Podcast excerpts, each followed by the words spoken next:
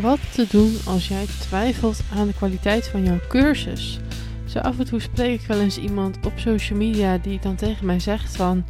Ja, ik vind het toch best lastig om voor mijn online cursus te gaan staan. Omdat ik gewoon toch een beetje bang ben dat het niet goed genoeg is.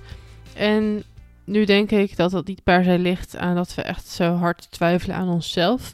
Maar wel dat het algemeen bekend is dat een online cursus nogal snel op de plank belandt.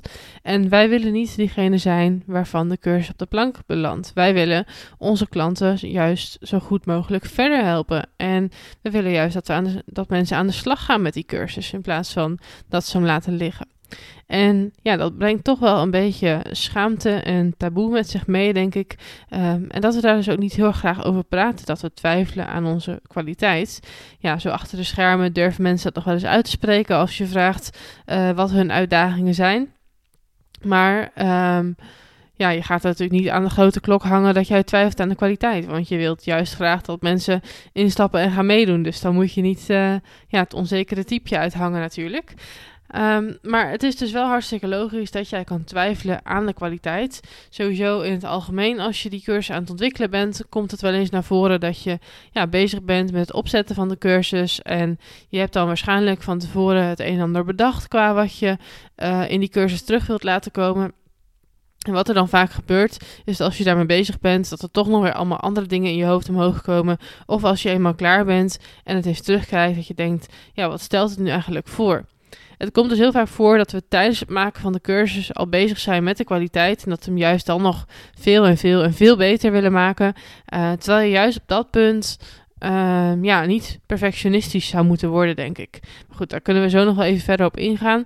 Um, de andere situatie waarbij het vaak gebeurt dat mensen gaan twijfelen aan de kwaliteit van hun cursus, is als hun cursus gewoon te weinig of helemaal niet verkocht wordt. Want ja, dan heb jij die mooie cursus gelanceerd en gepromoot en er koopt niemand.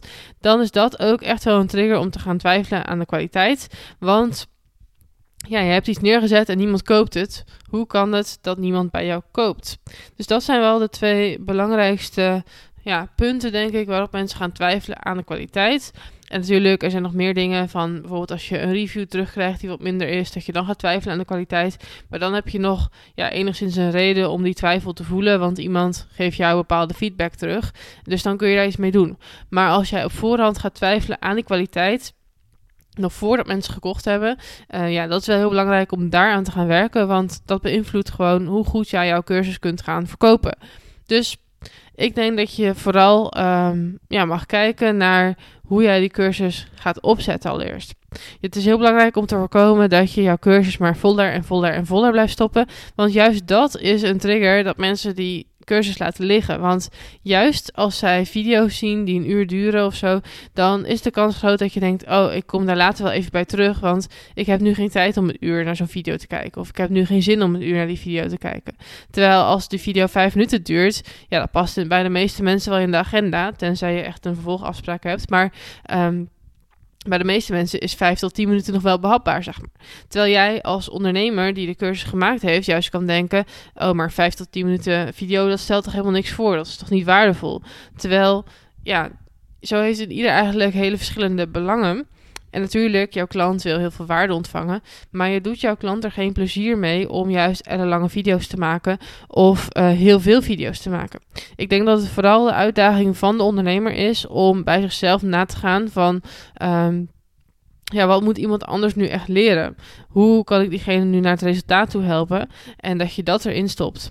Meer hoeft er niet in. Want je hebt een bepaald resultaat beloofd en daar wil je mensen naartoe helpen. En je wilt het mensen zo makkelijk mogelijk maken om naar dat resultaat te komen. Dus je wilt zelf zo min mogelijk extra's toevoegen, want je wilt mensen niet tegenhouden uh, en niet um, ja, overweldigen met informatie. Je wilt juist dat ze in actie komen. Dus dat even over een stukje inhoud. Ik denk dat je op basis daarvan gewoon voornamelijk moet nadenken van wat moet iemand per se weten. Dat je op basis daarvan de inhoud gaat bepalen. Um, en dat je dus voorkomt dat je dan tussentijd gaat twijfelen. Ik zei het net al, als je dan al een keer een reactie terugkrijgt van iemand die niet tevreden is of iets anders had verwacht, dan kun je altijd nog weer gaan kijken naar de inhoud van moet ik iets aanvullen. Um, of als je bepaalde vragen veel krijgt, dat dingen onduidelijk zijn, dat je dan eens kijkt van misschien moet ik nog een video toevoegen of iets wat meer uitleggen of um, nou, iets aanpassen, zeg maar. Maar je wilt gewoon op het moment dat jij bezig bent niet perfectionistisch worden en maar maanden blijven hangen in het ontwikkelproces. Want dat is een beetje de valkuil als je gaat twijfelen in het proces zelf. Namelijk dat je er maanden en maanden en maanden mee bezig bent voordat je die cursus daadwerkelijk af hebt en kan verkopen. Je wil niet weten hoe lang mensen soms doen over het ontwikkelen van de cursus. En ja, eerlijk gezegd, ik doe dat gewoon vaak in een week of maximaal twee. Dus weet dat dat ook gewoon mogelijk is als jij vooraf de inhoud bedenkt, je daarin houdt en het gewoon gaat doen. Dus voorkom dat je op dat punt in die perfectionisme um, ja, vervalt eigenlijk. Nou, dat is natuurlijk uh, stuk 1 van mensen die gaan twijfelen in de inhoud. Daarna kun je natuurlijk ook gaan twijfelen als je moet gaan verkopen. En al helemaal als mensen niet meteen kopen. Nu wil ik tegen je zeggen dat die kans best wel gewoon aanwezig is. Het ligt een beetje aan van hoe jij jouw cursus hebt ontwikkeld. Uh, maar heel veel mensen doen dit achter de schermen. Die vergeten om um, ja, tussentijds mensen verder op te warmen. Die vergeten om zichtbaar te blijven. Die hebben niet de mentale ruimte om zichtbaar te blijven. Allemaal geen enkel probleem, maar weet dan wel dat jouw volgers, jouw mensen op je maillijst, nog niet warm gemaakt zijn voor die cursus die je gaat lanceren. Dus als jij nog niet helemaal warm gedraaid bent op dat onderwerp, als je nog geen waarde hebt geleverd aan je maillijst over het onderwerp en je komt out of the blue met jouw cursus, ja, is de kans natuurlijk vrij klein dat er iemand instapt. Tenzij je mensen daar staan die echt al super warm zijn, die heel graag iets van jou willen leren, um, die, ja, er kunnen altijd een aantal enthousiastelingen zijn die wel meteen instappen. Maar de basis is het heel belangrijk dat je mensen meeneemt in het proces en dat je ze eerst opwarmt voordat je een verkoop probeert te doen. Want ik zei net al, anders kom je out of the blue en verwacht iemand het niet, weet iemand niet waar het vandaan komt, heb je totaal geen draagvlak gecreëerd, voelt iemand nu geen behoefte, ja, dan gaat iemand dus niet kopen. Even een slokje water.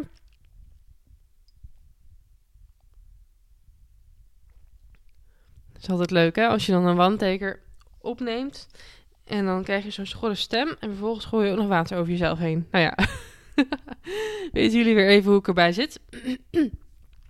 maar dat is even, um, ja, als je dus ziet van dat mensen niet kopen nadat jij het gelanceerd hebt, ga dan eens eerlijk bij jezelf kijken van en wat heb je nou gedaan aan die promotie vooraf? Heb je mensen wel voldoende opgewarmd? Want heel vaak zit het er niet in die kwaliteit of het onderwerp van jouw cursus of wie jij bent als ondernemer maar meer in hoe goed jij bent in het online verkopen. En dat is dus vaak de reden dat mensen niet kopen, omdat jij niet precies weet hoe je die online cursus het beste kan verkopen. En zolang er dus geen mensen in jouw cursus hebben gezeten of weinig, zegt het dus helemaal niks over de kwaliteit van jouw cursus. Je weet pas iets over de kwaliteit van de cursus als iemand jou daar feedback op teruggeeft, als iemand vragen stelt, als iemand een review geeft.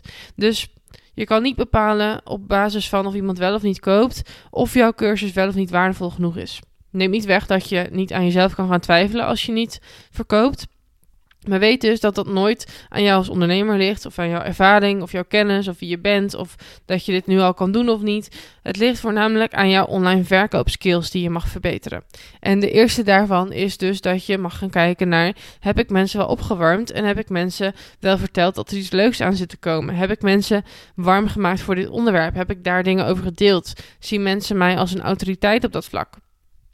En als je dat dus onvoldoende gedaan hebt, zullen mensen niet gaan kopen. Nou, los daarvan zijn er nog een heleboel andere redenen waarom mensen niet kopen. Bijvoorbeeld dat jij onvoldoende bezwaren hebt getackeld, dat er nu te weinig urgentie op zit, dat mensen niet echt de noodzaak voelen om nu in te stappen. Nou, zo kan ik nog een heel aantal redenen opnoemen waarom mensen niet kopen. Maar dat heeft dus helemaal niks te maken met die kwaliteit van jouw cursus. Nou, nogmaals, het kan nog steeds zo zijn dat jij twijfelt aan jouw kwaliteit.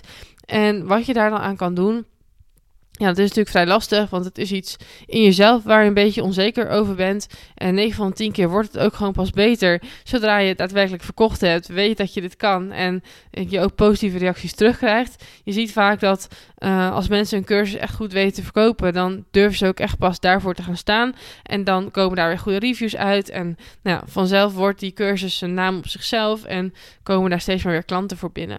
Maar voordat je daar bent, uh, ja, moet jij dat vertrouwen vanuit jezelf halen.